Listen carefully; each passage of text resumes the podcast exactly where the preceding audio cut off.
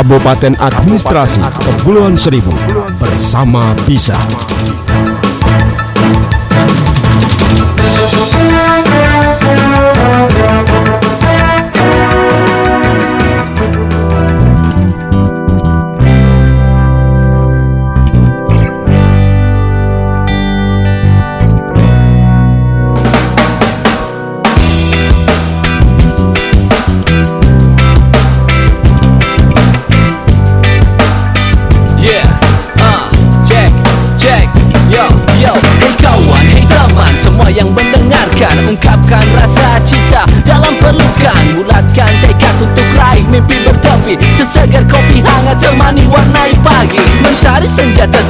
bersinar di ufuk barat. Mari susun rencana ke depan kita melesat.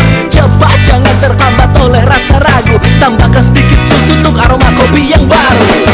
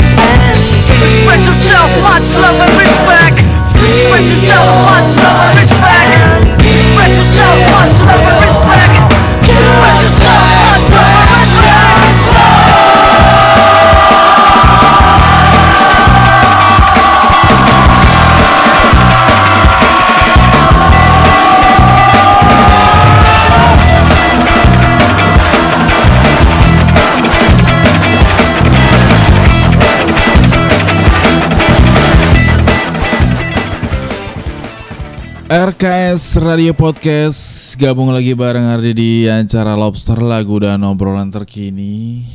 Oke, siang pastinya Selalu mengudara ya bersama podcast untuk Anda yang selalu setia banget ya. Apa kabar aja semuanya, sehat-sehat selalu dan uh, sukses ya. Uh, Oke, dalam setiap bidang, uh, bidang yang baik tentunya. Kalau bidang yang jelek nggak sukses lah ya. Apa kabar nih buat Anda yang uh, mungkin baru sadar ataupun baru uh, sembuh ya? Iya, semoga selalu diberikan kesehatan ya.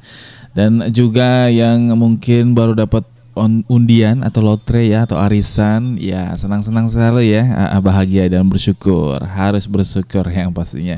RKS kembali untuk Anda dengan podcastnya di Lobster Lagu dan Obrol Terkini dan kita bakal ngobrol-ngobrol uh, tentang permainan ya permainan anak yang bisa membantu masa pertumbuhannya atau masa per- eh, pertumbuhan dan perkembangan otak anak kita ya. Oke, pas banget nih untuk para bunda dan para ayah-ayah di rumah ya.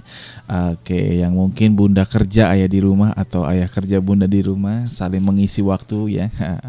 Di mana pun eh, yang pastinya harus bisa ya eh, dalam rumah tangga itu harus balance ya. Eh, yang pastinya harus seimbang, bisa mengisi kekosongan-kekosongan ya. Eh, bukan mengisi kekosongan artinya mengisi dengan yang lain, tapi membagi waktu juga mendukung gitu kan. Jangan sampai salah artikan ya.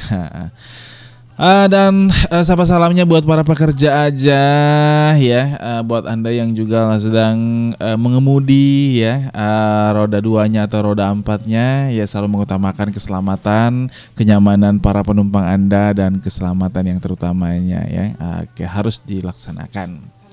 Dan selamat siang semuanya, oke apa kabar aja?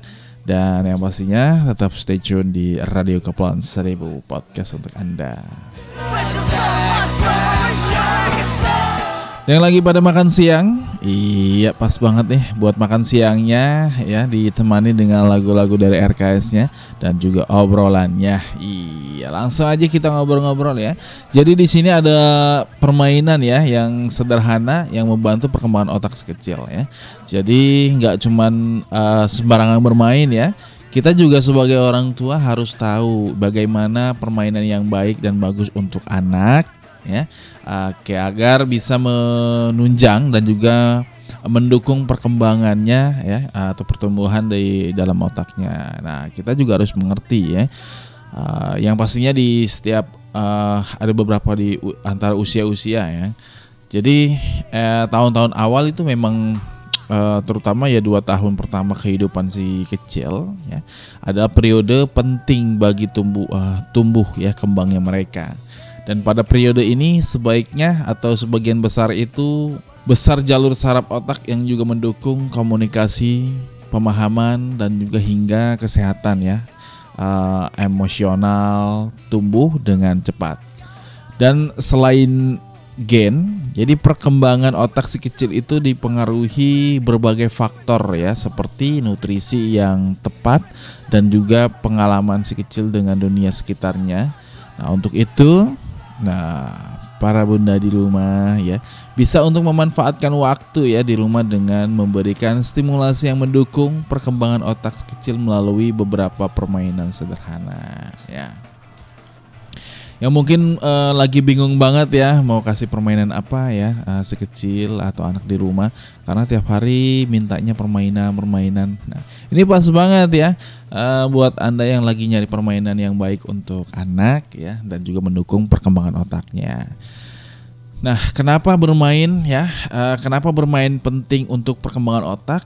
Nah, semua hal ya yang dilihat, didengar dan dirasakan adalah bentuk stimulasi ya yang memberi rangsangan pada otak bahkan eh, gerakan sederhana seperti mengusap si kecil bisa mempengaruhi tumbuh kembangnya ya. Itu gerakan sederhana cuma mengusap aja ya. Emang kalau diusap-usap enak juga ya. Ah, bahkan bisa sampai tertidur. Makanya tak jarang anak kecil kalau mau tidur pengennya diusap-usap gitu kan. Usap-usap yang lembut ya. Jangan usap-usap kasar. Oke, jadi di situ ada dua versi. nah, permainan menjadi salah satu teknik menyenangkan untuk memberi stimulasi. Jadi banyak sekali ya orang yang bisa mengajak si kecil bermain bersama. Nah, selain menjadi hiburan, kegiatan tersebut akan mempererat ikatan antara orang tua tangguh ya atau bunda tangguh dan anaknya. Apalagi perkembangan otak si kecil itu juga tergantung ya pada kedekatan dengan orang tuanya. Stimulasi sesuai tahapan perkembangan si kecil ya. Saat bermain ya para bunda itu perlu memperhatikan ya jenis permainan yang sesuai dengan tahapan usia si kecil. Dan uh, ada beberapa hal yang tentunya bisa diterapkan ya atau beberapa jenis permainan sederhana yang bisa dilakukan di rumah. Nah, itu untuk menunjang ya stimulasi sesuai dengan tahapan perkembangan anak.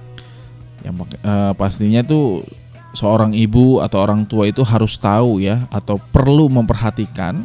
Jadi jenis-jenis permainan yang akan kita berikan kepada anak kita yaitu dengan tahapan usia gitu loh.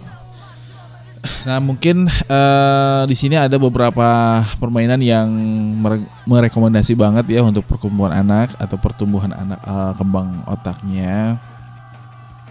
Yang pertama itu adalah cilukba ya. Uh, pernah dengar dong kalimat cilukba gitu kan? Cilukba ya. Uh. Cilukba itu adalah salah satu permainan paling mudah ya, uh, praktis lagi dan juga dapat dilakukan bersama anak dan ia pun bisa uh, biasanya itu akan kebingungan ketika wajah bunda menghilang dari pandangannya. Namun ketika bunda muncul kembali, ekspresi berubah ya menjadi uh, bagian. Ya itu dia menjadi bahagia maksudnya. Permainan ini bisa dilakukan uh, sebagai uh, selingan ya ketika sedang menggantikan pakaian ataupun babak bayi. Nah biasanya sering dong begitu ya ciluk bak gitu kan. Jadi uh, dia biasanya ngeliat muka emaknya nih ya ah, tiba-tiba ngeliat jemarinya yang gede-gede dia kaget gitu kan wah kaget terpesona ngelihat jemarinya gede-gede nah pas kelihat uh, dibukakan itu uh, tangannya uh, dia uh, melihat kembali ya uh, wajah ibunya di depan dia yang nampak ya oke terpesona seperti itu Nah itu uh, memang sangat menyenangkan banget ya. Uh, namun kalau di zaman sekarang itu cilik pak mungkin udah apa ya uh, masih ada. Kalau dulu kan diberlakukannya kepada anak-anak kecil bayi ya sekarang ciluk banyak ya orang dewasa juga bisa ciluk ba gitu kan. Oke atau saling ya saling ciluk ba gitu. Yang berikutnya adalah bernyanyi ya. Oke deh bernyanyi. Jadi bernyanyi sambil beraktivitas adalah hal ya menyenangkan yang bisa dilakukan bersama sekecil. Jadi eh, kita nih sebagai orang tua juga bisa menyanyikan lagu apa saja sih, eh, menggantikan lirik lagu atau bahkan ya mengarang lagu sendiri gitu kan. Ya lihat dong eh, respon si kecil dan kenali ya mana lagu yang menjadi kesukaannya atau variasi musik dan lirik ya berganti-ganti membantu perkembangan otak sekecil. Nah bayangkan ya banyaknya kalimat yang didengar sekecil ketika Bunda bernyanyi juga membantunya mempelajari macam-macam perbedaan kata. Nah itulah dia makanya sering banget ya mau tidur dinyanyiin ya uh, uh, terus mau pakai baju dinyanyiin. Mau mandi dinyanyiin. Apa aja dinyanyiin ya. Nah itu bernyanyi. Permain itu adalah satu permainan juga untuk anak kecil ya. Jangan salah bernyanyi. Uh, artinya dengan bernyanyi sambil beraktivitas adalah hal yang menyenangkan yang bisa dilakukan bersama anak kecil ya. Dan sekarang kan nggak cuma anak kecil aja yang seneng-seneng hobi nyanyi ya. Oke. Dan di situ pun banyak ya uh, para bunda menjadi musisi dadakan ya yang bisa uh, meng mengarang lagu atau lirik lagunya gitu kan atau mengarang-arang gitu kan. Nah, itu ya uh, pada uh, jadi banyak jadi musisi nih, musisi dadakan ya di rumahnya. Oke, secara tidak sadar tuh ya. Padahal kalau iseng-iseng sambil ditulis ya nyanyiin anaknya terus uh, lagunya ngarang ya sambil dituri eh, ditulis-tulis ya lumayan juga nih uh, buat uh, apa uh, buat menyenangkan gitu kan apalagi di cover. Wah mantep banget pokoknya. Dan berikutnya bisa meniru ya artinya dalam meniru ini um, dapat menirukan ya. Jadi si bunda ini dapat menirukan ucapan ataupun gerakan si kecil ya seperti tersenyum atau tertawa ya. Meskipun pada usia di ini atau usia ini ya si kecil belum bisa berbicara ya. Memang sih uh, si bayi itu pasti belum bisa berbicara ya. Dan ini adalah cara tepat untuk merangsang kemampuan komunikasinya. Manfaat lain dari permainan ini adalah meningkatkan kepercayaan di uh, diri ya. Dan ia akan merasa senang ketika uh, bunda bermain dan juga menghabiskan waktu bersamanya. Iya. Ya ditiru-tiru gitu kan apalagi sambil ngomong ngomong-ngomong bahasa manjanya gitu ditiru-tiru. Nah anak kecil aja udah merasakan kebahagiaan yang sangat luar biasa ya. Dari situ aja dia sudah memberikan ya. Artinya sudah sa- merasakan ya eh, kebahagiaan arti seorang arti gitu, seorang kebahagiaan ya seorang anak gitu kan kepada ibunya. Makanya kebahagiaan anak itu jangan cuma diberikan sewaktu dia kecil saja ya. Ketika dia beranjak udah umur 4 sampai 5, sampai 6 dan seterusnya, ya harusnya kebahagiaan itu selalu ada sampai dia dewasa dan ya mungkin terbilang sampai titik dar penghabisan ya. Harus ya jangan kecil disayang-sayang, dimanja-manja, udah gede disuruh kerja ya. nggak maksudnya udah gede ya disuruh disuruh suruh gini ya. Artinya boleh disuruh cuman ya kasih sayang itu harus ada gitu kan. Oke, apalagi sampai ya membentak-bentak nggak boleh ya. Karena anak kecil itu rawan-rawan kaget masalahnya. Pernah dong anak kecil palanya dipopol ya karena sawan ya bentak-bentak ya itu ya. Nah, makanya eh, kita sebagai orang tua harus memberikan hal yang baik ya. Ya, dari cara bicara kita, dari cara untuk mengasuhnya ya. Oke dan juga yang terpenting itu tadi ya menumbuhkan ataupun mendukung pertumbuhan atau perkembangan otak si kecil itu harus didukung eh oke oleh, orang tua gitu. Nah, eh, di situ ada permainan cilukba, bernyanyi dan juga meniru. Dan eh, berikutnya adalah permainan menggambar. Nah, ini nih, ini suka banget nih ya. eh, Dari saat, saat kecil pasti suka banget menggambar ya. Jadi saat usianya eh, sudah mendekati setahun ya, eh, kenalkan ia pada pensil berwarna atau krayon. Ya contohkan nih aja cara menggambar di atas kertas ya. Bebaskan agar eh, si kecil itu menggambar sesuai keinginannya. Pastikan bunda selalu awasi agar si kecil tidak memasukkan pensil atau krayon ke mulutnya ya. Nah, oke dan berikutnya itu adalah eh, kita mengenalkan mereka. Mengenalkan dia untuk menggambar ya di mana menggambar itu adalah eh, salah satu kesenangan ya kesenangan bagi mereka ya. Karena siapa sih yang nggak senang menggambar ya Eh, dengan menggambar eh, itu bisa menuangkan imajinasi mereka ya inspirasi mereka di dalam gambar tersendiri gitu loh. Ataupun ya isi otak atau unek-unek gitu kan. Ah, siapa tahu ya ah, di situ ada bakat Nah, si kecil lu sangat hobi banget dia mencoret coret coret coret. Biarin aja kita eh, kita liatin ya si kecil itu eh, mencoret coretnya di kertas bikin apa, bikin terserah gitu. Yang penting kita eh, selalu mengawasi. Artinya jangan sampai ya pensil atau marker itu ya biasanya kalau anak satu tahun itu apa pun yang akan dimasukkan ke dalam mulutnya ya. Ah, jangan kata pensil ya, kaos kaki aja bisa dimakan gitu, maksudnya dimasukin ke mulutnya.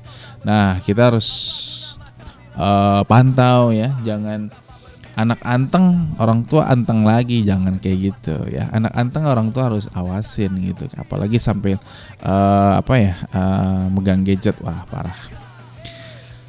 Oke pendengar setia sahabat podcast di mana pun anda berada yang pastinya ah, itulah dia hal yang sangat-sangat bermanfaat untuk kita dan anak kecil ya tapi masih banyak lagi ya. Itu adalah eh, stimulasi sesuai dengan tahapan perkembangan sekecil anak. Dan di sini juga ada eh, di usia 1 sampai 3 tahun nih apa aja yang harus kita berikan dalam permainannya. Oh, tadi kan 0 sampai 1 tahun yang kita harus berikan eh, permainannya ya berupa ya kayak semacam ciluk ba gitu kan memperindah atau mempersenangkan hatinya gitu. Oke jangan ke mana-mana tetap stay tune aja untuk anda karena setelah beberapa lagu ada obrolan lagi dan informasi untuk anda. Oke masih di radio Kepulauan Seribu. Kabupaten Administrasi Kepulauan Seribu bersama bisa. Usap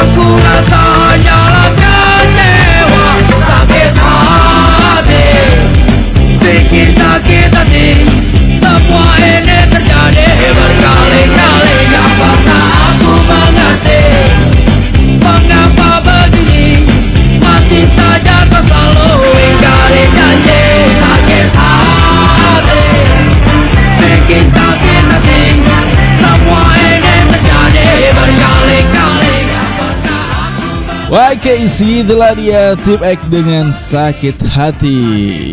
Ya. Jangan sampai sakit-sakit hati ya Karena kalau berbicara sakit hati Wow susah obatnya ya. Obatnya nggak dijual eceran Atau nggak dijual secara Apa ya uh, Di warung juga nggak ada kayaknya ya.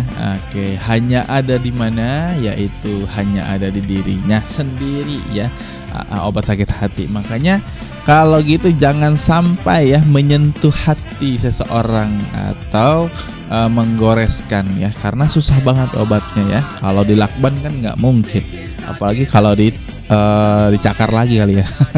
Habis semuanya. Oke, okay, sahabat podcast di mana pun anda berada yang pastinya siang ini Ardi akan berikan informasi Informasi yang kami kutip dari Berita Jakarta Kita simak bersama informasi selengkapnya Gerakan Jakarta bermasker di Pulau Kelapa libatkan kader PKK. Kader-kader pemberdayaan kesejahteraan keluarga di Kelurahan Pulau Kelapa, Samatan Kepulauan Seribu Utara, Kepulauan Seribu turut dilibatkan dalam gerakan Jakarta bermasker. Sebagai salah satu upaya pencegahan penyebaran COVID-19, seluruh Pulau Kelapa, Mahdi Muhdali mengatakan bahwa perlibatan pada PKK diharapkan dapat semakin mengoptimalkan menekan kasus COVID-19 khususnya di Pulau Kelapa. Dan kami mengapresiasi inisiatif dari Polsek Kepulauan Seribu Utara dengan melibatkan kader PKK untuk menggencarkan gerakan Jakarta bermasker. Kami sangat mendukung kader PKK bisa ikut melakukan sosialisasi dan edukasi kepada keluarga dan warga di ling uh, lingkungan tinggalnya. Sementara itu, Kapolsek Kecamatan Kepulauan Seribu Utara AKP Josman Haryanja menuturkan bahwa gerakan Jakarta bermasker harus didukung semua pihak Pasalnya, kepatuhan protokol kesehatan untuk memutus mata rantai penyebaran COVID-19 menjadi kepentingan bersama. Nah, kita lakukan kampanye keliling, kampanye dengan menggunakan pengeras suara dan spanduk agar warga membudayakan memakai masker saat beraktivitas, rajin mencuci tangan dan juga menjaga jarak serta menghindari kerumunan. Baik pendengar setia, masih di Berita Jakarta. Pembangunan saluran air dijadi skala prioritas usulan Musrembang Ciracas.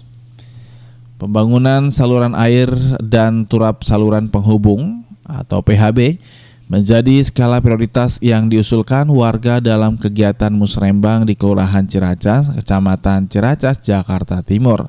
Kegiatan ini dipimpin Wakil Wali Kota Hendra Hidayat secara daring Lurah Ciracas Rikia Marwan Salahuddin mengatakan bahwa usulan yang diprioritaskan yaitu pembangunan saluran air di wilayah RT 11 RW 7 sepanjang 65 meter. Kemudian saluran air Keramat Kedondong di wilayah RT 7 RW 5 sepanjang 187 meter serta pembuatan turap saluran penghubung Pasar Impres di RT 14 RW 10 sepanjang kurang lebih 100 meter dan pembuatan saluran air ini sangatlah dibutuhkan untuk mengatasi genangan saat musim hujan. Dan dijelaskan Rikia dalam musrembang ini total usulan yang diajukan warga dari 10 RW ada 209 usulan dengan estimasi anggaran sebesar 19,6 miliar. Wakil Wali Kota Jakarta Timur Hendra Hidayat eh, berharap usulan warga dalam musrembang ini bisa diakomodir dan dilaksanakan oleh unit NIS terkait di tahun ini dan khususnya ada uh, yang menjadi skala prioritas warga. Lurah juga bisa menolak usulan warga yang nilai volumenya tidak wajar dan dokumennya tidak lengkap. Baik pendengar masih di Berita Jakarta. Musrembang Kelurahan Pulau Untung Jawa bahas 37 usulan. Musyawarah Perencanaan Pembangunan Musrembang tingkat Kelurahan Pulau Untung Jawa Kecamatan Kepulauan Seribu Selatan Kepulauan Seribu membahas sebanyak 37 usulan pembangunan fisik dan non-fisik Bupati Kepulauan Seribu Junaidi mengatakan bahwa pelaksanaan musrembang merupakan sarana untuk menyerap kebutuhan warga yang diusulkan dan disaring sejak rembuk RW. Nah, kita minta usulan ini benar-benar prioritas sesuai kebutuhan wilayah dan telah divalidasi oleh lurah sehingga bisa diusulkan ke tingkat kecamatan untuk selanjutnya diakomodir di tingkat kabupaten dan provinsi. Sementara itu Lurah Pulau Untung Jawa Supriyadi menambahkan bahwa aspirasi yang ada dalam musrembang ini terdiri dari 28 usulan langsung dan juga 9 template. Untuk usulan langsung di antaranya renovasi tembok makam, pendalaman kolam labu, pembuatan shelter untuk wisatawan, pelatihan masyarakat serta pembuatan plaza kelurahan.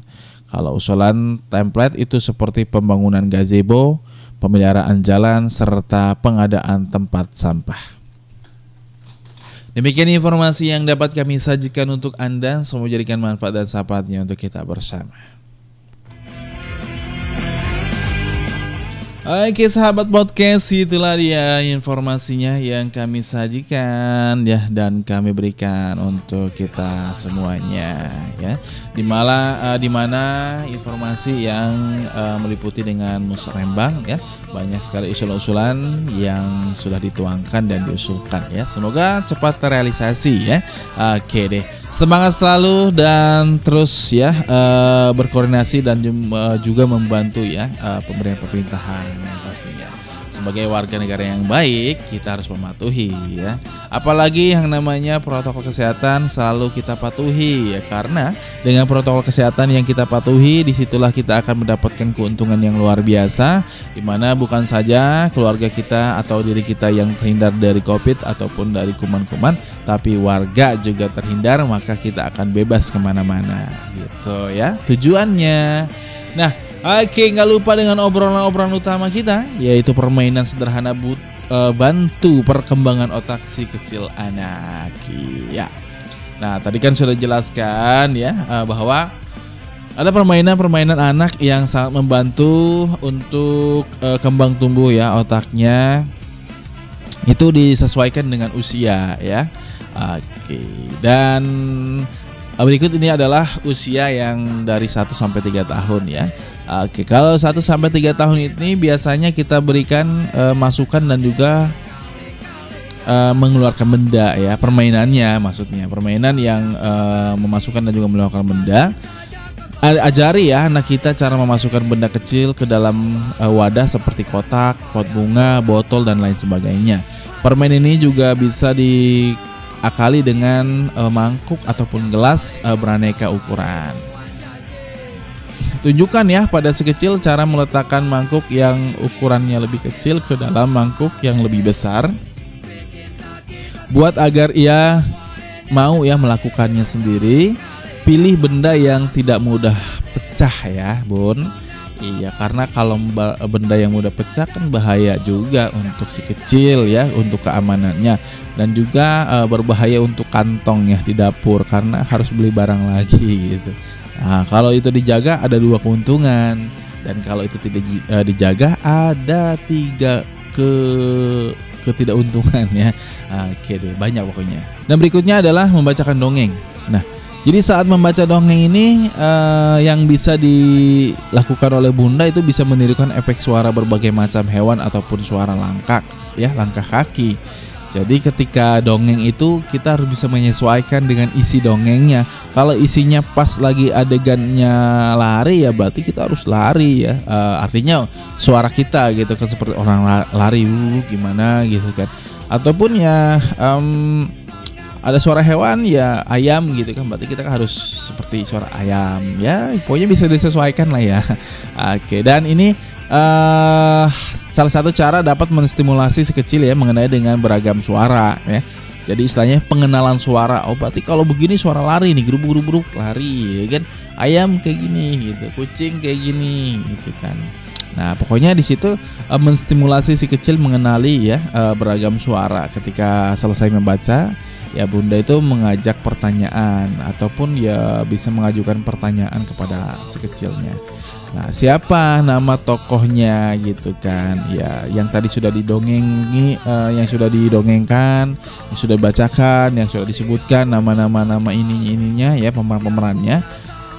Atau kenapa tokoh tersebut eh, melakukan hal tertentu gitu. Itu ada suatu pertanyaan agar setelah dia menyimak dari apa yang udah diuraikan Nah dia mengingat gitu loh, teringat ya. untuk membantu daya otaknya, daya ingat otaknya gitu. Pokoknya banyak keuntungannya ya kalau kita benar ajarannya gitu kan. Dan berikutnya itu adalah memilih dan juga mengelompokkan benda. Berikan ya eh, sekecil ataupun eh, atau balok warna-warni nih. Sekecil berikan sekecil bola atau balok warna-warni. Ya, minta sekecil memilih dan juga mengelompokkan balok ataupun bola tersebut ya berdasarkan warnanya mulai dengan dua jenis yang eh, berlainan ya. Dua jenis warna yang berlainan, kemudian sedikit demi sedikit ya tambahan bola ataupun eh, balok berwarna lainnya. Nah, itu juga bisa ya mensimulasikan anak agar mereka tahu jenis gitu loh, jenis ya. Bola itu seperti apa dan kotak itu seperti apa dan warna mereka harus tahu ya. Ketika bola merah dikumpulkan berarti kumpulannya bola merah juga. Ketika eh, kotak warna biru berarti dikumpulkannya yaitu kelompokan dengan kotak warna biru juga ya. Ketika ada yang salah harus diingatkan. Nah, itulah peran orang tua sebetulnya banyak banget sih perannya. Makanya jangan pernah melawan sama orang tua karena orang tua itu yang mengajarkan ya anak-anaknya dari yang tidak tahu sampai dia tahu bahkan dari yang tidak bisa sampai dia bisa ya ya tidak mungkin semua itu bisa sendiri tanpa dilandasi dengan didikan gitu kan atau pengenalan. Kalau memang dia udah bisa sendiri karena memang sudah ada dasarnya yang sudah diberikan orang tua ya anak itu dan hanya mengembangkan gitu loh. Jangan lupakan jasa-jasa orang tua apalagi orang tua perempuan yang sudah uh, menggendong-gendong kita ya dari usia ya usia dia mau tumbuh lah ya di dalam perut atau di rahim itu udah dibawa-bawa digendong-gendong ke mana-mana itu nggak sadar kan? Ya iya. Belum uh, belum lagi pas udah keluar ya udah keceprotnya udah keluar digendong juga ya selama beberapa tahun. Nah, coba Anda bayangkan bagaimana ya tulang orang tua menumpang uh, menopang Anda gitu kan dari kecil sampai besar sampai dewasa ya. Oke, masih saja memberikan kasih sayang ya kepada anak-anaknya ya. Dia tidak akan pernah peduli anaknya itu mau durhaka atau enggak yang penting dari kecil dia udah mencoba untuk menafkahi dan juga memberikan hal yang baik yang bagus kepada anaknya dan dia tidak peduli kalau dia itu lapar, kalau dia kepanasan, kalau dia kehujanan. Yang penting yang terbaik untuk anaknya, ya. Dan dia tidak tahu ya, oke, ataupun dia tidak perlu peduli pokoknya anaknya mau durhaka. Cuman yang jadi uh, apa ya penyesalan mungkin ya ketika anaknya sudah dewasa dan tiba-tiba menjadi anak durhaka gitu kan. Wah kalau zamannya maling kundang masih berlaku ya sekali ucap tuh anak bisa gimana gitu kan zaman sekarang nih. Nah itu dia. Bahaya kan? Bahaya. Ya makanya. Ini kita ngomongin apa sih yang merembet ke sana kemarin ya harus ya karena ya itulah dia. Sehubungan dengan pendidikan-pendidikan yang ada ya dari orang tua kepada anak otomatis nyambungnya ke mana-mana ya. Nah, oke karena awalnya itu dari orang tua gitu ya. Kalau nggak ada orang tuamu ya kamu tidak ada ya. Sebenih apa pun gitu loh kecuali ya itu tadi ya uh, kamu lahir sendirinya gitu. Oke, okay, berikutnya adalah um, selain memasukkan ya ada mengeluarkan benda, terus mendongeng dan juga memilih dan juga mengelompokkan benda. Nah di sini juga memilih pakaian. Wow ya, udah kecil udah disuruh milih pakaian nih, ntar bisa belanja terus. nah pakaiannya ternyata juga bisa menjadi permainan. Oke, jadi para bunda itu harus memberikan kesempatan sekecil ya memilih sendiri pakaian yang akan uh, dikenakannya. Biarkan ya sekecil mencoba berpakaian sendiri tanpa bantuan. Bunda juga bisa mengajarkan mencocokkan pakaiannya memilih uh, miliknya atau mencocokkan pakaian miliknya dengan aksesoris seperti bando, kaos kaki dan lain sebagainya.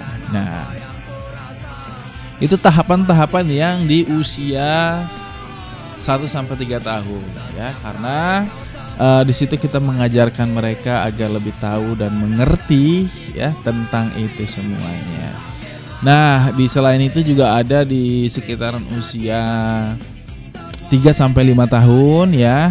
case ini udah agak lumayan ya, artinya udah bisa udah mengerti ya. Di usia 3 sampai 5 tahun itu cobalah diajarkan untuk menyusun balok. Ya, menyusun balok warna-warni bisa jadi salah satu permainan menyenangkan untuk sekecil ya. Oke, permainan ini tidak hanya baik untuk me, apa perkembangan kecerdasan sekecil ya, tetapi juga baik untuk melatih kemampuan motoriknya. Nah, Bunda dapat menyusun balok ya dan juga menyuruh si kecil mengikuti susunan yang Bunda buat ya. Bunda juga bisa biarkan si kecil membuat susunan sendiri ya. Uh, tingkatkan kerumitan pada pola susun ya balok seiring hingga perkembangan kemampuan si kecil. Nah, Terus juga masak-masakan. Wow, hobi banget ya. Ya siapa tahu ya udah gedenya jadi chef gitu kan karena udah diajari masak-masak ya. Oke, masak-masakan. Permainan ini dapat melatih anak mengenai berbagai hal seperti jenis alat untuk memasak ataupun mengekspresikan sensasi seperti panas, pedas dan enak. Permainan ini juga dapat melatih imajinasi sekecil ya. Ya, pilihlah jenis permainan uh, mainan masak-masakan yang aman dan sesuai usianya gitu kan. Jangan langsung diterjunkan di depan kompor ya, bahaya banget ya.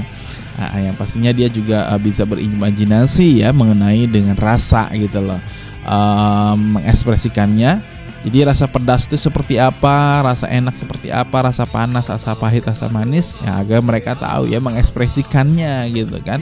Jangan uh, pedas ya, oke diekspresikan dengan rasa uh, apa ya, uh, rasa manis gitu kan, kan nggak logis banget. Pedas ya otomatis kita merasa kacau gitu ya ataupun tersiksa gitu. Kalau manis kan senang, masa sih kepedasan kita ketawa kan mungkin gitu. Jangan sampai salah artikan atau salah penerapan yang ada uh, yang ada uh, repot ya. Dan berikutnya itu ada petak umpet. Nah, pernah dengar dong petak umpet ya? Kalau permainan petak umpet itu bisa dilakukan ya ketika usia si kecil itu memasuki tiga tahun. Memasuki usia ketiga tahun ke atas ya permainan ini bisa merangsang kemampuan sekecil ya. Memecahkan masalah sekaligus melatih perkembangan fisiknya. Ya pastikan juga dong uh, para bunda di rumah nih bersembunyi di tempat yang mudah dihampiri sekecil ya. Jangan serius ya. Main petak umpet sampai nggak mau di ini ya uh, ditemukan ya. Oke para bunda mengajarkan petak umpet kepada anaknya ketika anaknya disuruh jaga eh bundanya main ya kan? Atau nyumpet bukan main. Nyumpet ya nyumpetnya lama. Uh, kirain di mana nyumpetnya? Di rumah tetangga sambil ngobrolin uh, gosipnya. Itu ada luar biasa banget ya si bunda mengajarkannya ya.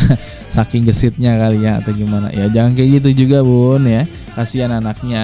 Anaknya ntar nyari gitu kan. Wah ntar yang ada marah-marah. Jadi Petak umpet itu permainan uh, umpet yang bisa dilakukan ya usia si kecil maksimal ya tiga tahun ke atas. Permainan ini juga bisa merangsang kemampuan si kecil memecahkan masalah sekaligus melatihnya per, uh, melatih perkembangan fisiknya ya. Nah, jadi uh, itulah dialah pemecahan masalah, mencari solusi ya di mana memang permasalahan itu selalu terkadang seperti putak umpet ya. Uh, solusinya itu dia mengumpat dulu gitu loh. Karena ada usaha, usaha di situ. Usaha sudah ada, otomatis solusi akan muncul. Nah, dan yang berikutnya Bunda, ini adalah puzzle. Puzzle ini uh, permainan yang menyusun ya um, menyusun bisa juga menjadi permainan yang juga baik untuk stimulasi otak. Fajal membentuk si kecil melatih kemampuannya dalam menyelesaikan masalah. Tingkat kesulitan puzzle tentunya ya dapat disesuaikan ya dengan usia dan juga kemampuan si kecil. Nah, puzzle, puzzle ini menyusun. Artinya dengan menyusun, menyusun dan menyesuaikan atau menyamakan hal-hal yang lainnya atau seperti eh, gambar binatang yang dia sukai gitu kan. Diacak-acak dan dia Nah, itu dia mengenal ya ya eh, lebih untuk mengenal ya. Tentunya dia itu untuk lebih mengenal ya jenisnya ya bentuknya dan warnanya seperti ini seperti itu. Oke. Itulah dia bunda-bunda sayang. Iya para di rumah. Yang mungkin eh, lagi asik banget ya eh, apalagi masa pandemi kayak gini otomatis para orang tua itu lebih banyak di rumah ya dibandingkan di tempat kerja. Karena hal yang sangat spesial nih untuk para anak-anak di rumah ya bisa deket sama orang tua bermain bercanda bercerita ya. Dan juga orang tua tahu keluh kesah anaknya seperti apa permainan anaknya itu bagaimana itu dia. Jadi bisa ya eh, untuk memberikan ajaran-ajaran yang baik untuk anaknya Oke deh pendengar staircase-nya di mana pun anda berada yang pastinya. Oke untuk sahabat podcast apa kabar nih semuanya? Selamat siang selamat berjuang buat anda yang lagi berjuang. Berjuang untuk mendekati sasaran ya. Sasaran apa nih? Oke lawan duetnya. Ah, ah, Sukses deh yang pastinya. Nah, eh, informasi kembali untuk Anda. Informasi kami sajikan yang kami kutip dari Berita Jakarta. 160 Satpol PP Jaktim bantu pengamanan kedatangan tamu negara. Sebanyak 160 anggota Satpol PP Jakarta Timur dikerahkan untuk membantu pengamanan kedatangan Perdana Menteri Malaysia Muhyiddin Yassin di hari Kamis 4 Februari 2021 hingga Jumat 5 Februari 2021. Kasatpol PP Jakarta Timur Budi Novian memberitahukan dan memberitakan 160 personil ini berjaga mulai dari Bandara Halim Perdana Kusuma hingga ke Istana Presiden. Rutenya arahan Jalan Halim Perdana Kusuma, Jalan MT Haryono, Jalan Gatot Subroto, Jalan Sudirman, Jalan Muhammad Tamrin, Jalan Medan Merdeka Barat dan juga Jalan Medan Merdeka Utara. Khusus untuk wilayah Jakarta Timur, kita siapkan 80 personil selebihnya uh, diploting ke wilayah lain yang menjadi lintasan tamu negara.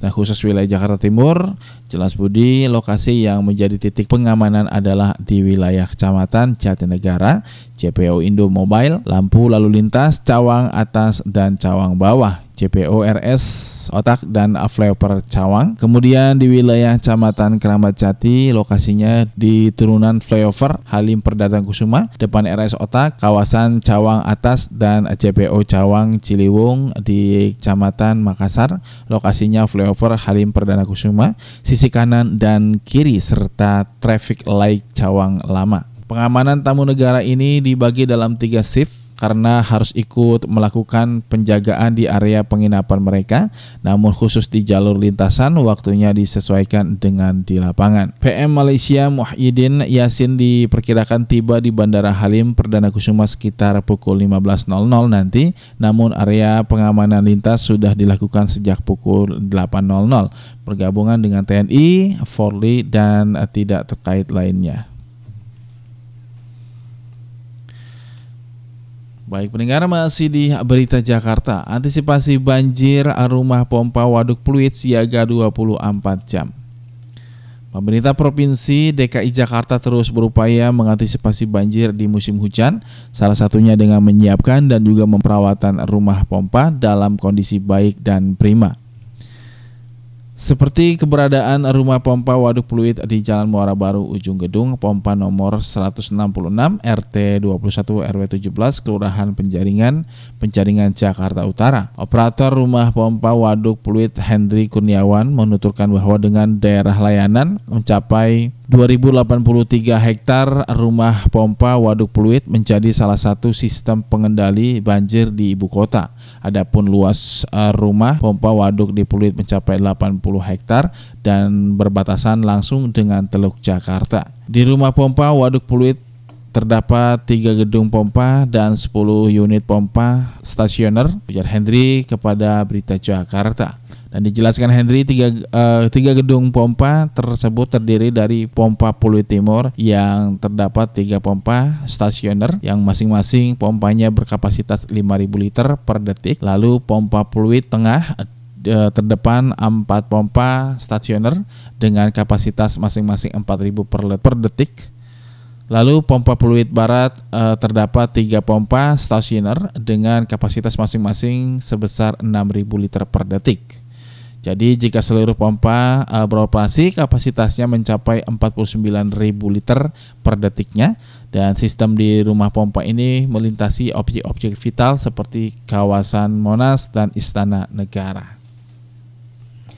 Demikian informasi yang dapat kami sajikan untuk kita bersama di siang hari ini. Tetap stay tune di Radio Kepulauan Seribu dan sahabat podcast sehat selalu semangat untuk anda kembali ada semang manisnya Bob Indonesia yang akan memanjakan telinga kita.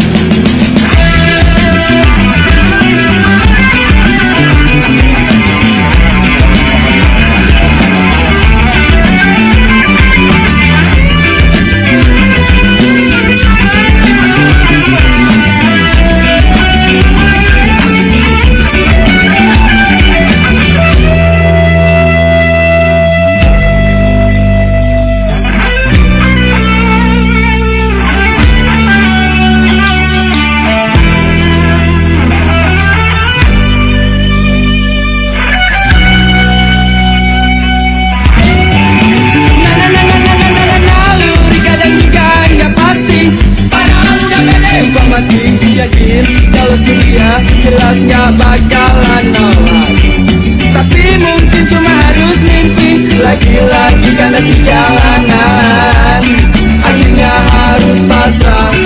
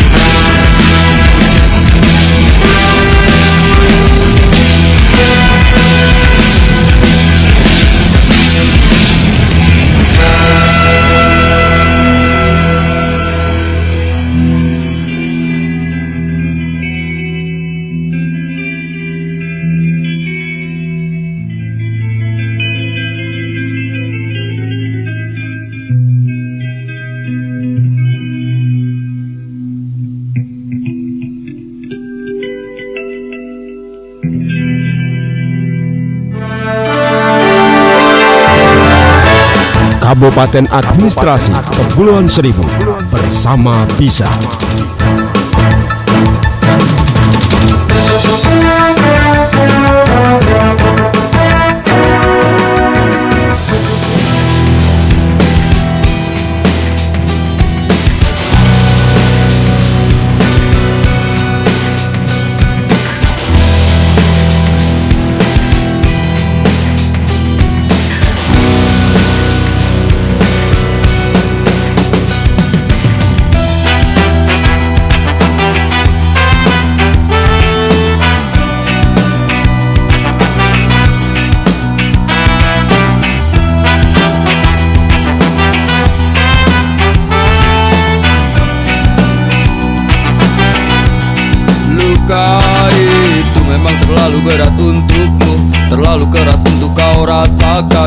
Seperti keinginan dan harapan yang selalu kau impikan Kau inginkan, kau hayalkan dan kau bayangkan dulu. Mestinya kau sadari itu bukan penyesalan yang ada di hati. Saat kau yakinkan diri untuk pergi Coba hadapi semua ini sendiri. Dan ternyata keyakinan tak cukup mampu untuk melawan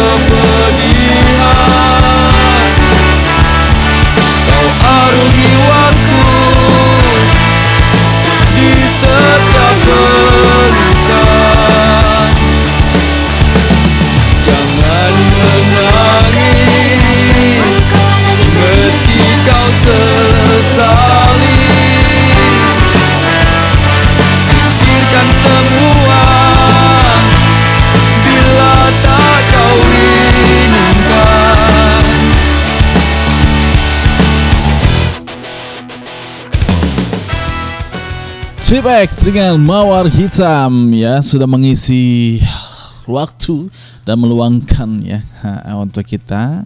Salam aktivitas untuk kita bersama dan selamat siang. Salam-salam untuk salam-salam ya.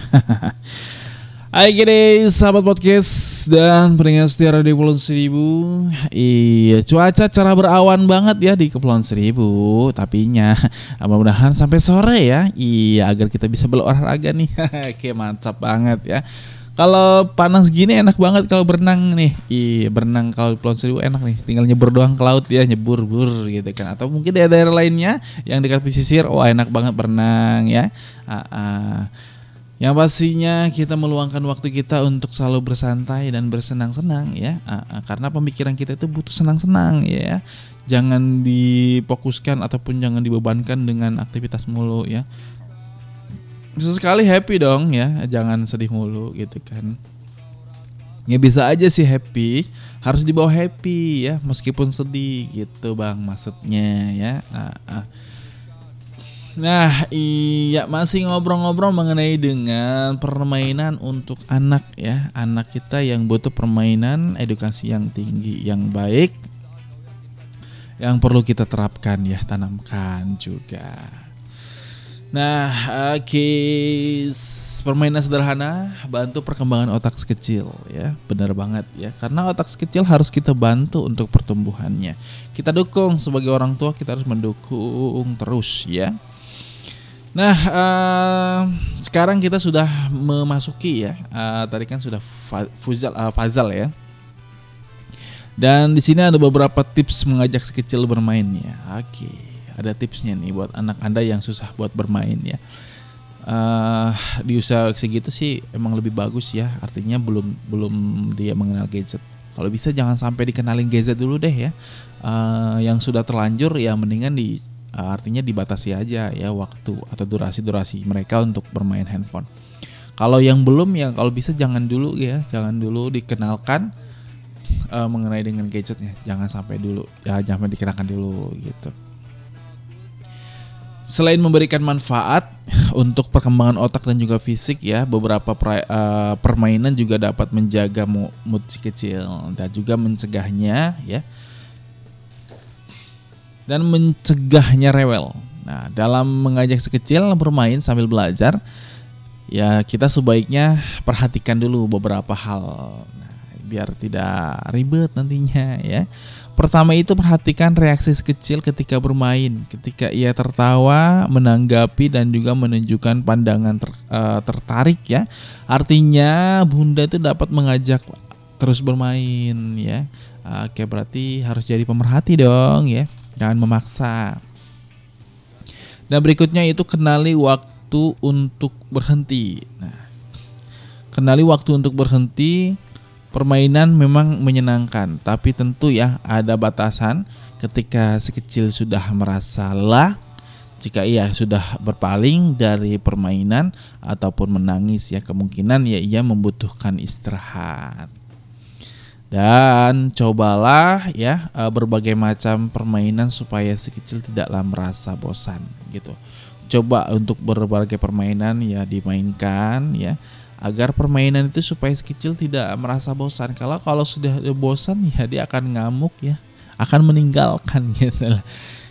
Karena watak kecil ya, anak kecil gitu emang.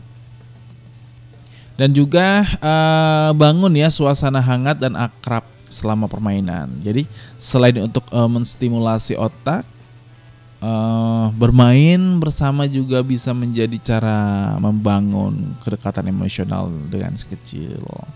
Dan juga ciptakan ya lingkungannya yang nyaman untuk si kecil bermain.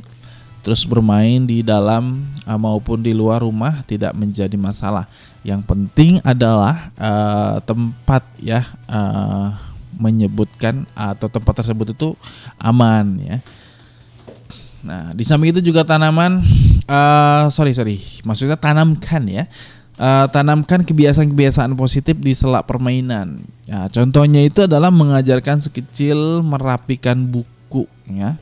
Oke, merapikan mainannya ataupun membacakannya dongeng-dongeng Nusantara untuk menumbuhkan kecintaannya eh, pada buku gitu maksudnya.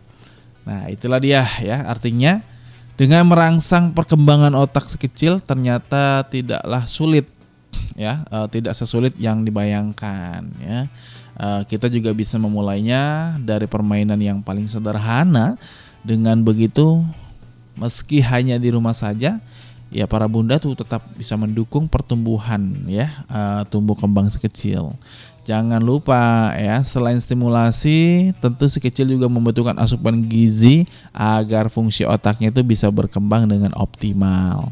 Nah, saat memasak pastikan ya makanan matang dengan sempurna. Pastikan juga si kecil rajin mencuci tangan selama 30 detik, istirahat yang cukup, dan juga melakukan olahraga rutin untuk menambah uh, informasinya ya ataupun untuk menambah um, stimulasi ya dan juga perkembangan otaknya yaitu harus benar-benar diperhatikan dari mulai istirahat uh, bermainnya waktu bermainnya ya terus apa yang dia mainkan dan juga uh, asupan ya nutrisi atau makanannya. Itu harus benar-benar diperhatikan banget bunda karena jangan sampai tidak diperhatikan nah, nanti bahaya ya. Kalau nggak diperhatikan akan berbahaya kepada kita dan anaknya nah, memilih mainan anak itu sesuai dengan usianya itu sangat penting banget ya uh, jadi perlu dilakukan sebab tak hanya mengisi waktu bermain uh, mainan yang diberikan juga pada anak bisa dimanfaatkan sebagai sarana untuk mengasah kreativitas ya, uh, keterampilan dan juga media belajar anak. Ya, jadi jangan sampai kita memberikan permainan asal anteng aja itu salah banget ya. Apalagi uh, antengnya anak, antengnya orang tua ya. Maksudnya kan kalau antengnya anak antengnya orang tua, anak anteng, orang tua anteng main uh, main handphone ya atau buka Facebook segala macamnya. Nah, berbagai macam mainan anak yang di banyak yang dijual di toko mainan ya, tak jarang juga membuat orang tua tuh merasa bingung banget nih uh, untuk uh, membelikan anak-anak nah, mainan ya, yang terutama mainan yang baik, yang bagus untuk mereka yang bisa ya uh, mendukung tumbuh kembang anak ya. Tadi kan sudah uh, apanya beberapa uh, jenis permainan yang diberikan ya. Uh, tentunya itu adalah permainan yang uh, sesuai dengan usia ya, jangan salah. Jangan sampai kita memberikan mainan anak-anak yang usia lima tahun kepada anak yang satu tahun ya atau nol satu tahun ya kan nggak nyambung banget gitu kan. Ya kalau memang untuk bayi hingga usia satu tahun mainan uh, anak itu dimanfaatkan sebagai sarana eksplorasi ya guna mengaktifkan panca indera mereka. Sebagian besar ya mainan anak pada usia tersebut antara lain memicu bayi untuk menggigit ya, meraih ataupun menjatuhkan benda. Memilih mainan anak untuk bayi hingga usia satu tahun yang direkomendasikan antara lainnya itu mainan yang mengeluarkan lagu ataupun suara itu ya. Dan juga mainan anak berupa kaca yang terbuat dari plastik namun cukup jelas memantulkannya. Dan juga memberikan anak kaos kaki atau gelang warna-warni yang dapat membunyikan atau menimbulkan bunyi dapat merangsang indera pendengarannya dan buku yang terbuat dari kain dengan berbagai gambar yang dapat merangsang penglihatannya dan juga uh, saat anak mulai bisa duduk uh, mainan ring stack ya cincin susun yang dapat disusun ulang berkali-kali. Nah itulah dia ya permainan-permainan uh, yang sangat baik sekali untuk anak ya uh, di masa usianya ataupun sesuai uh, sesuai dengan usianya ya usia anak tersendiri. Karena permainan itu sangat penting banget ya, permainan yang uh, membuat uh, anak kita itu menjadi tahu dan menjadi kenal ya dengan uh, beberapa hal ya. Di antaranya dia itu bisa mengetahui uh, dengan bentuk ya suara ataupun uh, warna itu. Itulah permainan ya. Jadi pilihlah permainan yang uh, bisa memberikan atau mem, uh, menstimulasikan otaknya ya kumbu, uh, tumbuh kembang otaknya agar mereka menjadi orang yang cerdas ya. Oke deh. Dari permainan aja kita sudah memberikan pelajaran gitu kan, apalagi dari kasih sayang orang tua yang selalu memberikan pelajaran yang baik gitu. Hai kita tetap stay tune kembali selalu untuk Anda di Radio Kepulauan Seribu. Iya yang selalu memberikan suasana hangat ya Di siang hari ini dengan kecerahan ya di daerah kami di Kepulauan Seribu ya. Tentunya di daerah Anda cerah juga dong. Iya. Oke kembali untuk Anda informasinya yang kami kutip dari Berita Jakarta Tiga pilar Kelurahan Paseban sosialisasikan penggunaan masker. Jajaran tiga pilar Kelurahan Paseban, Jakarta Pusat melakukan sosialisasi pentingnya penggunaan masker sambil berkeliling ke lingkungan pemukiman warga di RW 05 RW 06. Lurah Paseban Muhammad Saleh mengatakan bahwa pihaknya bersama dengan Kapolsek Senin, eh, pengurus RW, anggota FKDM dan juga LMK membagi-bagikan masker dan juga menjaring puluhan warga yang tidak memakai masker. Giat ini untuk meningkatkan kesadaran warga menerapkan protokol kesehatan secara ketat. Kepala Satuan Polisi eh, Kepala Satuan Polisi Pamong Praja Kelurahan Paseban Yusuf Srikandi menjelaskan 22 warga tidak memakai masker dikenakan sanksi kerja sosial menyapu jalanan hingga eh, memakai rompi bertuliskan pelanggar PSBB. Kami juga menyisir halte, trotoar dan juga rumah makan atau kafe untuk memastikan tidak ada kerumunan warga. 67 perkantoran dan perusahaan di Jakarta Pusat diberikan teguran tertulis. Sebanyak 67 perusahaan dan juga perkantoran telah diberi sanksi peringatan tertulis oleh suku dinas tenaga kerja, transmigrasi dan energi Jakarta Pusat. Selama memperlakukan PSBB ketat 11 hingga 25 Januari 2021, Kepala Seksi Pengawasan Tenaga Kerja, Sudin Tenaga Kerja, Transmigrasi dan Energi Jakarta Pusat Kartika Lubis mengatakan bahwa 67 perusahaan dan perkantoran disanksi karena terbukti tidak menerapkan protokol kesehatan ketat. Dari 71 perusahaan maupun perkantoran yang kami sidak, 67 dikenakan sanksi teguran tertulis karena tidak menerapkan protokol kesehatan ketat dan ketika mengungkapkannya Kartika mengungkapkan teguran tertulis diberikan karena perusahaan dan juga perkantoran tersebut tidak menepal, eh, menempelkan fakta integritas, tidak menerapkan self assessment dan memasang tanda cross jarak, belum menyediakan ruang observasi dan tidak menyediakan buku tamu bagi pengunjung.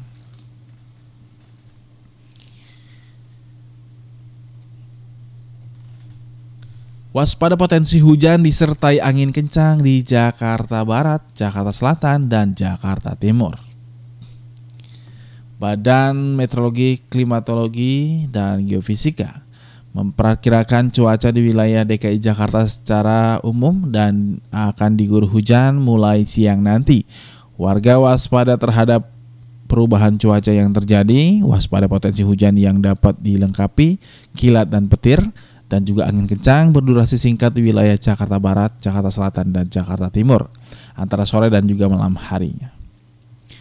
Untuk perakiraan cuaca hari ini di Jakarta Barat dan Jakarta Pusat akan diguyur hujan ringan pada siang dan malam hari serta hujan sedang pada dini hari. Jakarta Selatan akan diguyur hujan petir pada siang hari, berawan pada malam hari dan hujan ringan pada dini hari. Jakarta Timur hujan ringan pada siang hari, berawan pada malam hari dan hujan ringan pada dini hari. Untuk wilayah Jakarta Utara bakal diguyur hujan ringan pada siang dan malam hari serta hujan sedang pada dini hari sedangkan wilayah Kepulauan Seribu diprediksi cerah berawan pada siang hari dan hujan ringan pada malam hari dan dini hari. Adapun suhu udara hari ini antara 24 hingga 31 derajat Celcius dengan kelembaban udara 75 hingga 95 persen. Oke, sahabat podcast, itulah dia informasinya yang kami sajikan untuk Anda di siang hari ini ya. Uh, masih kita ngobrolin mengenai dengan permainan ya, permainan anak ya sesuai fase perkembangan ya ke usianya yang bisa mengedukasikan uh, dan juga memberikan ya uh, dukungan penuh terhadap tumbuh kembang otak anak. Iya. Nah, jadi jangan asal pilih, asal mainkan ya. Harus dilihat dulu permainan-permainannya seperti apa dan tipenya seperti apa dan bagaimana gitu kan. Mainan pentingnya yang tepat untuk tumbuh kembang anak. Nah, mainan yang dimainkan sekecil itu bermanfaat untuk tubuh kembang anak. Ya, mainan memang tidak bisa lepas dari sekecil ya Uh, dan mainan pasti akan melekat selalu ya untuk anak-anaknya atau anak-anak kita. Karena ingat waktu kecil kita juga pasti seperti itu ya, merasakan hal yang sama nih ya. Jadi uh, mainan itu uh, bisa mengeksplorasi ya, mainan eksplorasi. Mainan yang termasuk mainan eksplorasi adalah mainan bunyi gitu kan, atau mainan di bawah satu tahun.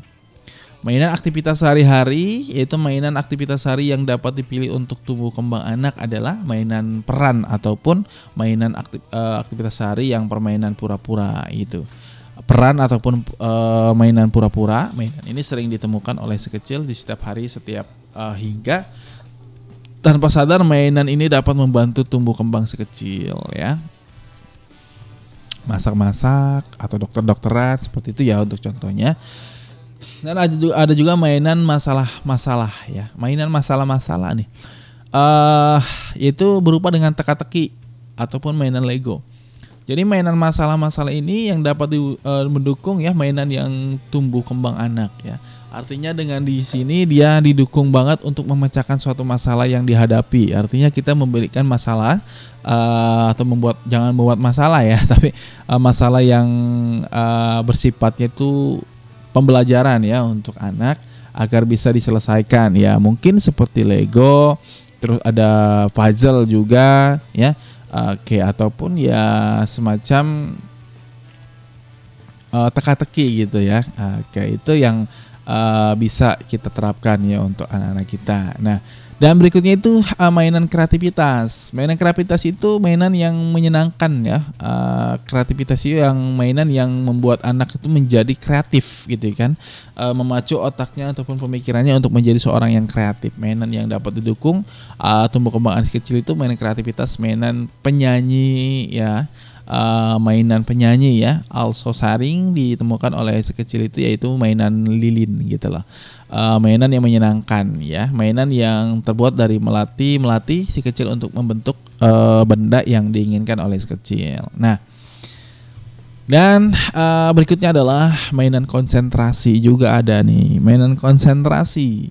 Mainan yang dapat melatih si kecil untuk bisa berkonsentrasi ya. Dengan baik adalah mainan balok, yaitu tadi ya. Um, menyusun, menyusun balok ya, uh, suruh si kecil untuk menyusun balok dan juga me, uh, menggabungkan ya, menggabungkan uh, balok dan juga bola dengan warna-warnanya. Ya, jadi kita ajarkan untuk si kecil ya menyusun baloknya, terus juga uh, menggabungkan dengan warna ya dan uh, bentuknya gitu kan. Kalau balok kan uh, persegi empat, kan kalau bola kan bulat. Nah itu kita harus uh, pilih dia atau suruh dia untuk uh, mengumpulkan ya balok ke balok warna warna uh, kalau sana ada warnanya ya warna merah.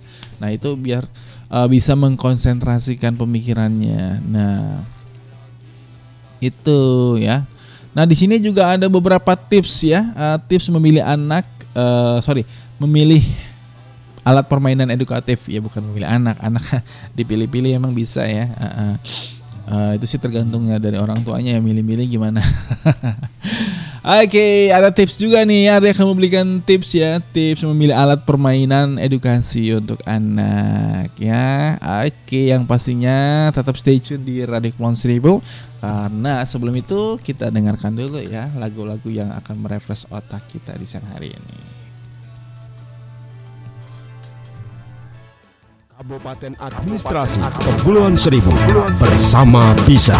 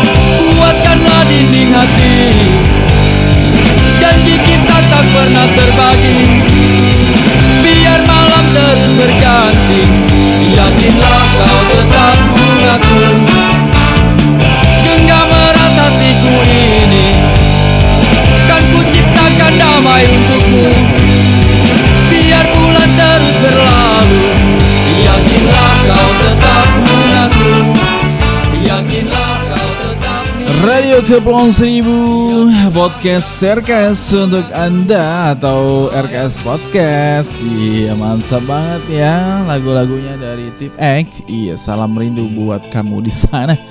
Oke aku salam rindu deh ya Titip salam aja nih buat kamu yang di sana Yang di sana. Ah, Kini mana aja deh ya pokoknya. Nah, eh, yuk balik lagi kita ngobrolin mengenai dengan tipsnya ya. Eh, tips memilih alat permainan edukasi. Nah,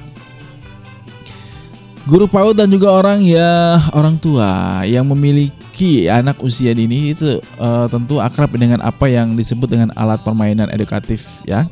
Uh, APE, alat permainan edukatif. Alat permainan ini merupakan alat permainan yang dirancang dan digunakan oleh anak-anak usia uh, 6 tahun ke bawah agar mereka mendapatkan pengalaman belajar yang konkret. APE ini dapat menstimulasi aspek-aspek perkembangan anak ya seperti nilai agama dan juga moral. Nah, fisik dan juga motorik, kognitif, bahasa sosial, eh, emosional dan juga seni. Hal ini juga sejalan ya dengan pendapatannya eh, Sender yang juga mengemukakan bahwa APE memiliki banyak manfaat untuk perkembangan anak ya.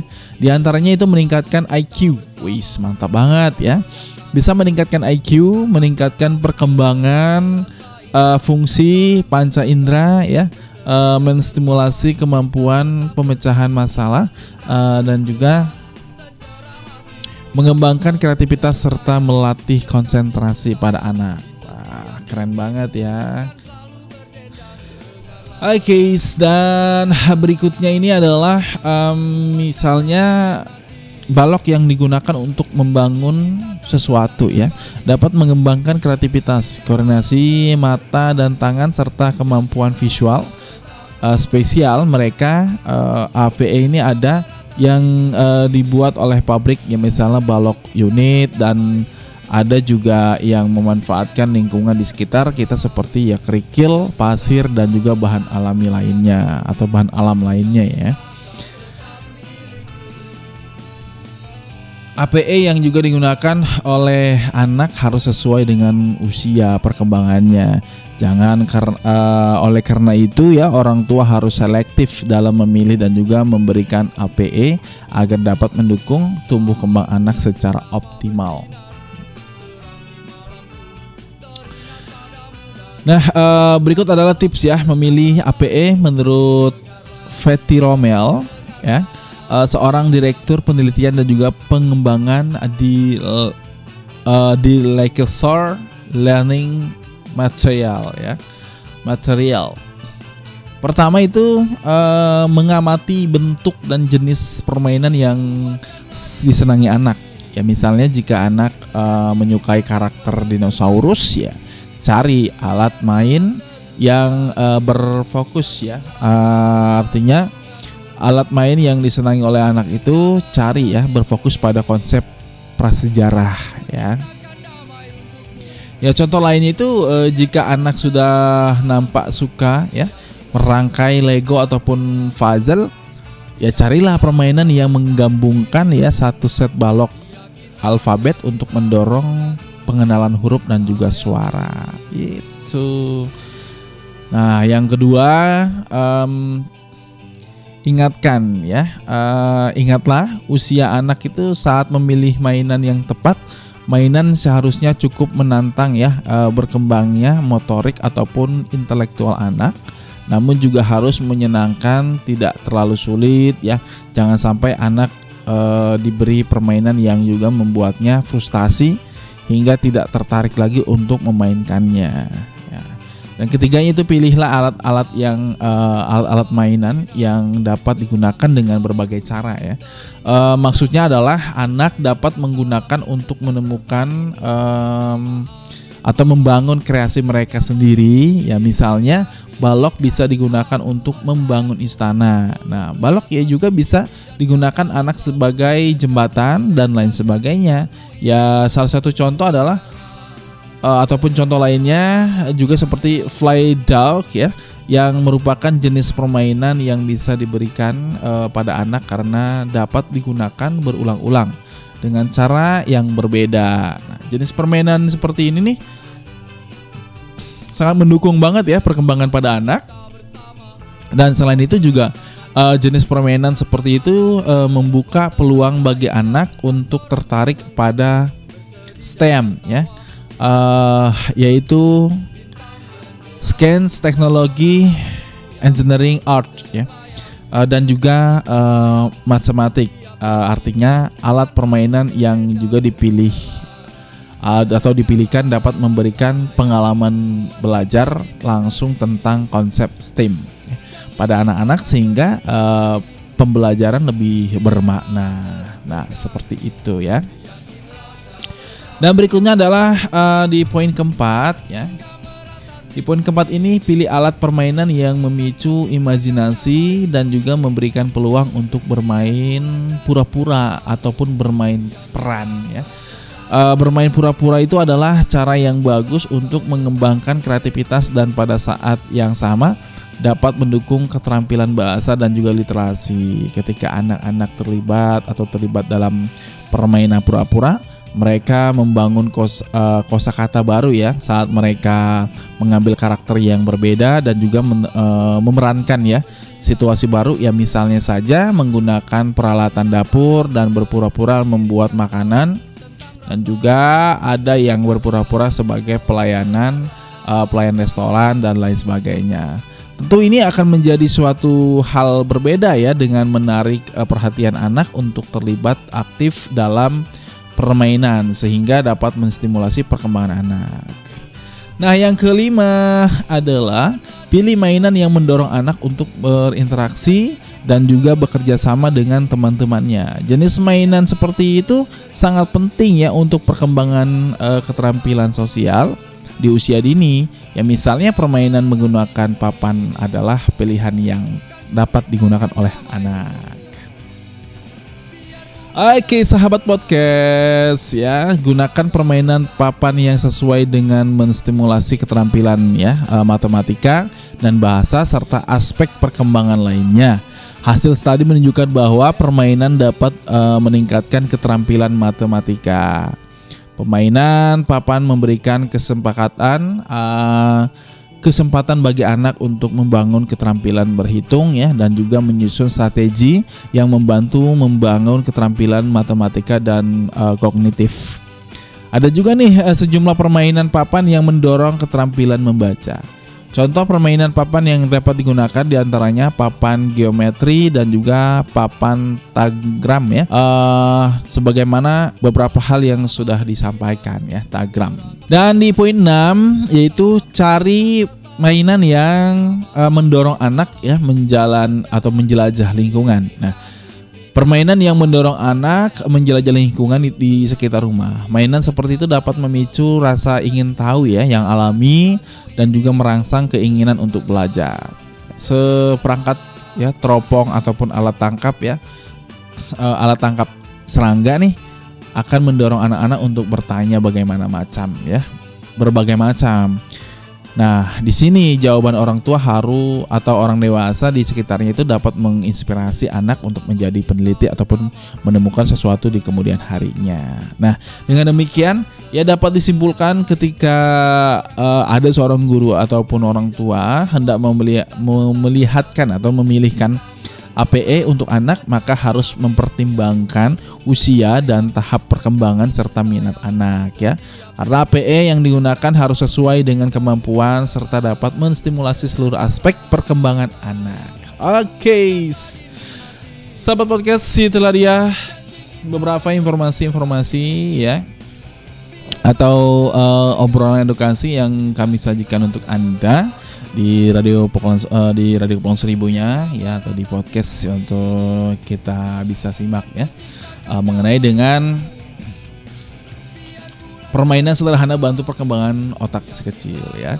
Dengan begitu otak si kecil akan terbantu ya dalam perkembangannya ya, eh, da- perkembangan dengan pertumbuhannya. Nah, semoga bermanfaat ya untuk kita di rumah dan anak-anak kita menjadi orang yang sukses ya, yang menurut dan juga yang eh, bisa diandalkan di keluarga kita. Makanya kita jangan pelit-pelit ya untuk memberikan informasi-informasi dan permainan yang baik untuk anak kita karena kita mencari rezeki untuk anak dan kebahagiaan anak juga. Oke, yang pastinya terima kasih atas kebersamaannya ya di RKS-nya dan juga di Lobster Lagu Obrolan terkini dengan Semang Manis Pop Indonesia dan informasi-informasi yang sudah kami sajikan untuk Anda. Selamat beraktivitas ya, sehat selalu, sukses. Dan wassalamualaikum warahmatullahi wabarakatuh.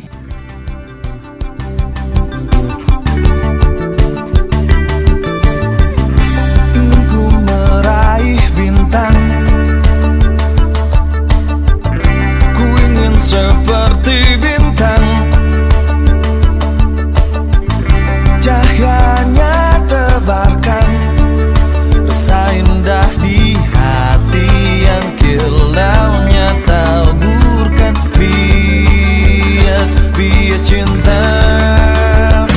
Ku yakin ku bisa bawamu terbang ke angkasa Menembus pelangi lewati langit Tujuh bidadari